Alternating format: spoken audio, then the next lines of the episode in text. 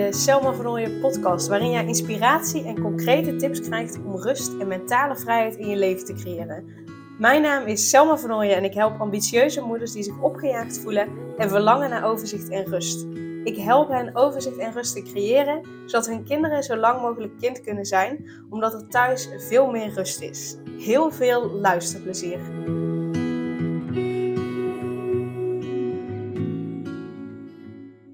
Deze maand juni vertel ik je de hele maand het verhaal van Anouk, een ondernemende en ambitieuze moeder die zich opgejaagd voelde, continu aanstond en zich schuldig voelde naar haar kinderen toe, omdat ze vaak het idee had dat ze iets of iemand tekort deed. En in deze reeks vertel ik je dus welke inzichten en tips Anouk hebben geholpen om overzicht en rust te voelen, zodat ze weer voluit geniet van het leven met haar gezin en haar bedrijf.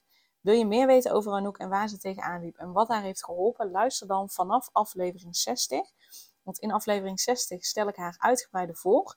En dan begint ook echt, begin je bij het begin van het verhaal van Anouk. En daarna vertel ik elke aflevering iets over waar Anouk tegenaan liep. Uh, in ieder geval de eerste afleveringen en alvast een inzicht. En in de latere afleveringen ga ik echt, uh, ja, soms ook oefeningen met je delen. Uh, maar dan ga ik er nog wat dieper op de oplossing in, zeg maar.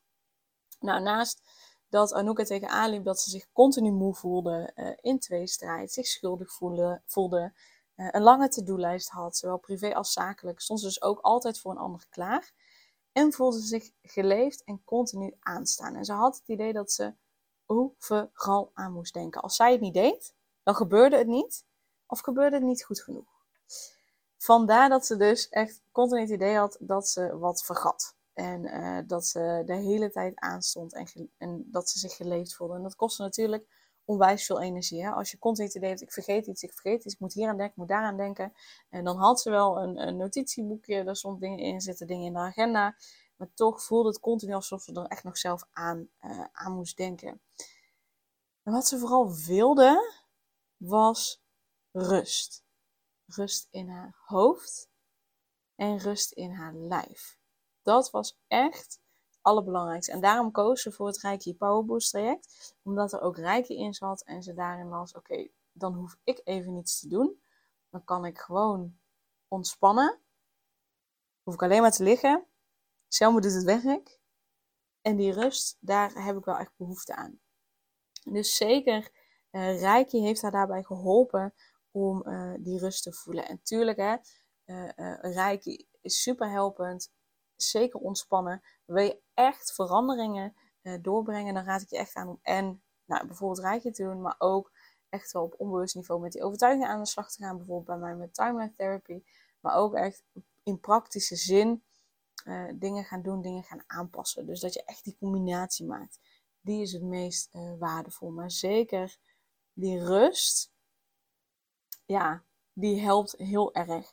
Als je namelijk natuurlijk een bepaalde basis van uh, rust voelt, van rust ervaart, ja, dan, dan gaat gewoon zoveel makkelijker. Uh, gaat die, uh, ja, je kunt zoveel makkelijker die stappen zetten, die veranderingen zetten. Um, dus dat is heel erg belangrijk. En um, rust pakken, wat voor jou rust pakken is, is voor de ander niet per se rust pakken. En, en hoe Reiki Anouk exact heeft geholpen, daar uh, ga ik in aflevering 9, uh, 79, ja, ik moest even denken.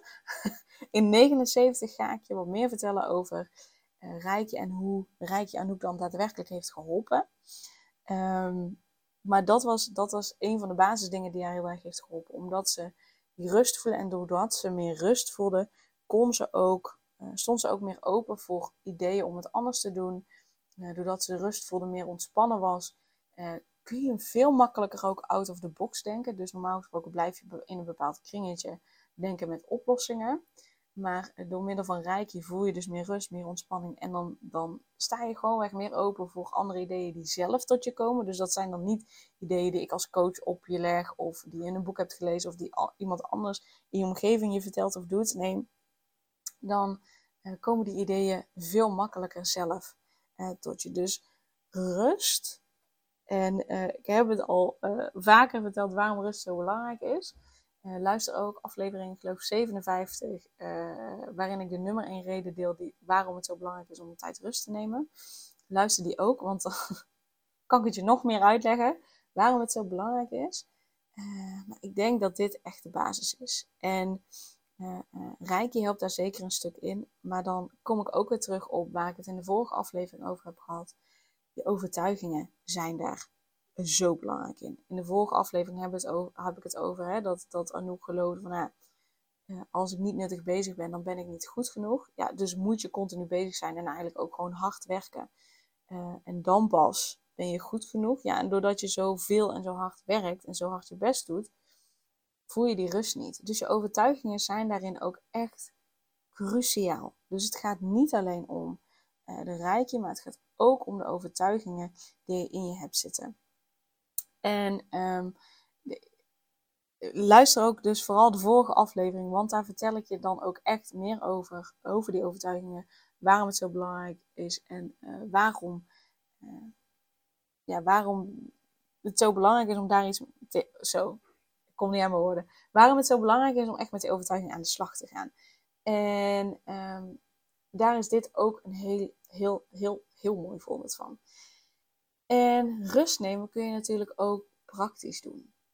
Ehm, wat ik je zou willen aanraden, uh, waar Anouk ook mee is begonnen, is om eens elke dag, vijf minuten per dag, gewoon eens te gaan zitten. Stilzitten. En uit het raam staren. Vijf minuten. Iedereen heeft vijf minuten. En vind je vijf minuten echt nog te lang? Nou, dan begin je maar met twee minuten. Het gaat er nog niet eens om hoe lang je het doet. Het gaat erom dat je het doet. Dat je gewoon bij het begin begint. En op het begin zal dat, dat die vijf minuten rustig zitten, uh, zal je nog geen rust opleveren. Want eerst, je, jou, jouw systeem, jouw, hoofd, jouw lijf zit zo vol met ik moet van alles doen, uh, uh, snel, snel, snel, druk, druk, druk. Dat moet eerst uit je lijf. Waardoor vaak, als je ergens mee aan de slag gaat, eerst iets veel erger wordt voordat het minder wordt. En dat is in dit, in dit geval ook. Als je nu rust gaat nemen, en herken je misschien ook al met mediteren, dan denk je, ja, iedereen zegt, oh, mediteren is zo rustgevend.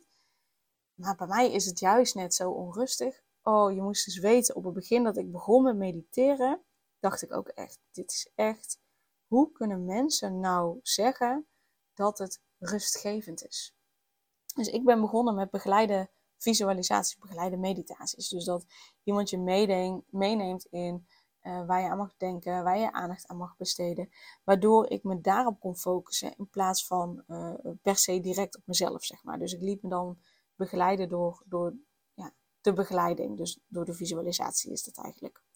Uh, Commit Happiness, als je daarop googelt, of nou ja, als je dat opzoekt op YouTube, die heeft heel veel gratis geleide meditaties. Ehm, dus dan raad ik je aan om daarmee te beginnen. Uh, maar nu inmiddels nou ja, wissel ik het af. De ene keer doe ik een geleide meditatie, de andere keer doe ik gewoon echt een stilte, de andere keer zet ik een muziekje op.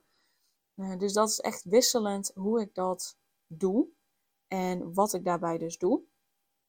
Maar nu, als ik nu ga mediteren en ik, en ik zet bijvoorbeeld gewoon een muziekje op, dan of ik luister naar de muziek, of ik heb ook momenten dat er juist net heel veel gedachten zijn. En dan weet ik, oké, dit is een signaal dat ik te veel aan mijn hoofd heb, te veel aan het doen ben. Dus dan pak ik het wel op als signaal waar ik iets mee mag doen na de meditatie. Bijvoorbeeld mijn agenda leeg en ruimen. Uh, um, aan mijn to-do-lijst het een en ander veranderen, zodat er op mijn to-do-lijst voor nu niet zoveel staat, maar dat ik gewoon zeg van oké, dit kan wachten, dit is voor de lange termijn, dat is prima. Uh, dus ik zie dat dan als een signaal. Maar nu kan het soms ook wel eens zijn dat ik gewoon zit te mediteren en dat er allerlei gedachten voorbij komen. En voorheen dacht ik, dat mag niet, dat is niet goed, uh, zo hoor je niet te mediteren, dan moet je geen gedachten hebben, bla bla. Nee, dat is helemaal niet waar.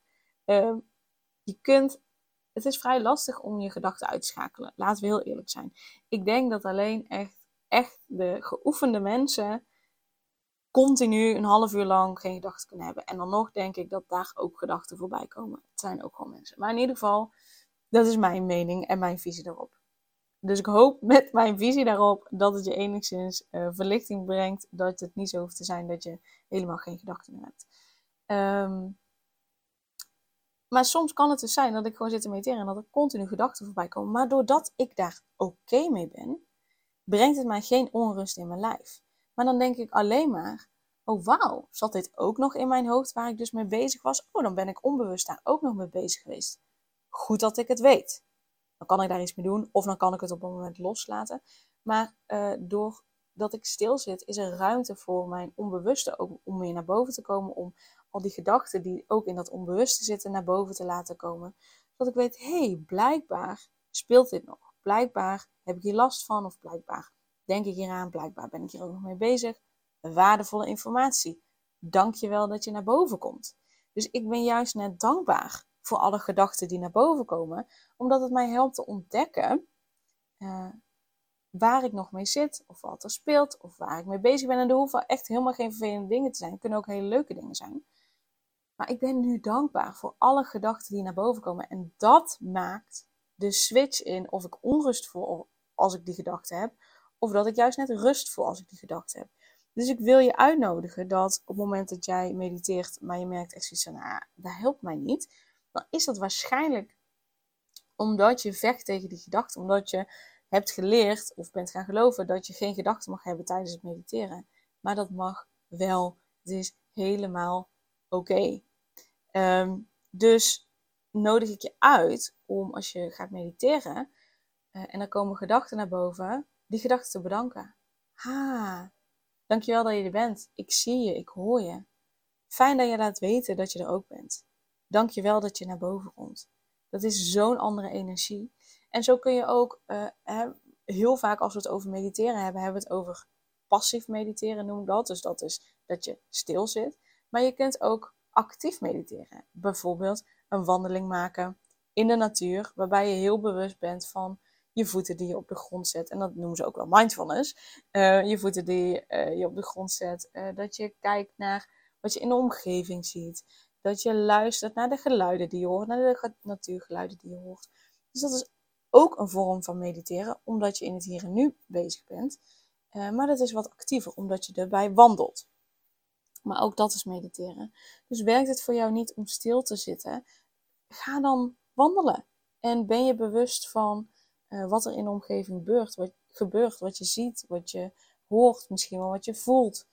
Uh, ook dan ben je bezig met mediteren. En ook dan geeft het je rust. Ook dan gaat het je die rust geven in je hoofd, in je lijf. En Anouk is een combinatie van die twee gaan doen. Die is uh, ook gaan mediteren en dan helemaal oké zijn met de gedachten die naar boven komen. En uh, ook twee keer in de week buiten wandelen en heel bewust zijn van wat ze ziet, wat ze hoort, wat ze ruikt, wat ze voelt. Um, om ook op die manier te mediteren, zodat je niet continu alleen maar hoeft te zitten.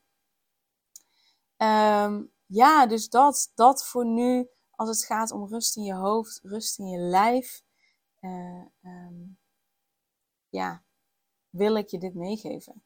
En uh, ben ik heel benieuwd wat jij gaat doen. Ga jij, ja, zeg maar de passieve vorm van meditatie doen, uh, waarbij je de gedachten bedankt, of ga je meer actief doen dat je gaat wandelen?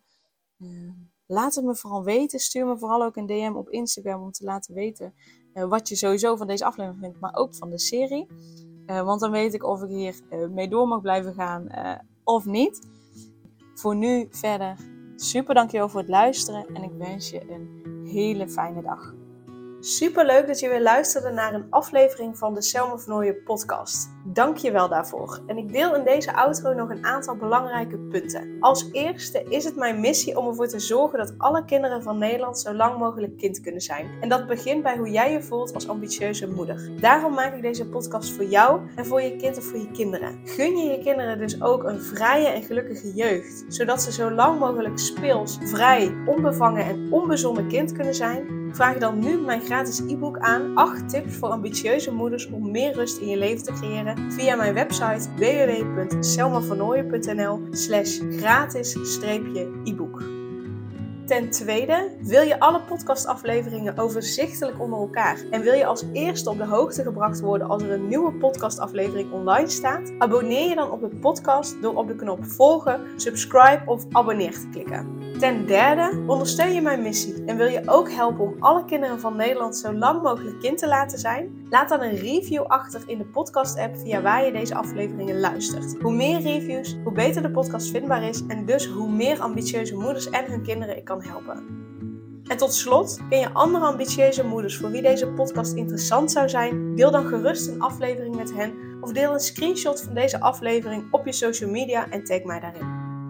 Wil je mij een vraag stellen of contact met mij opnemen? Dan kan dat via info.selmavernooien.nl of via het Instagram account Selma Nogmaals, super dankjewel voor het luisteren en tot de volgende keer.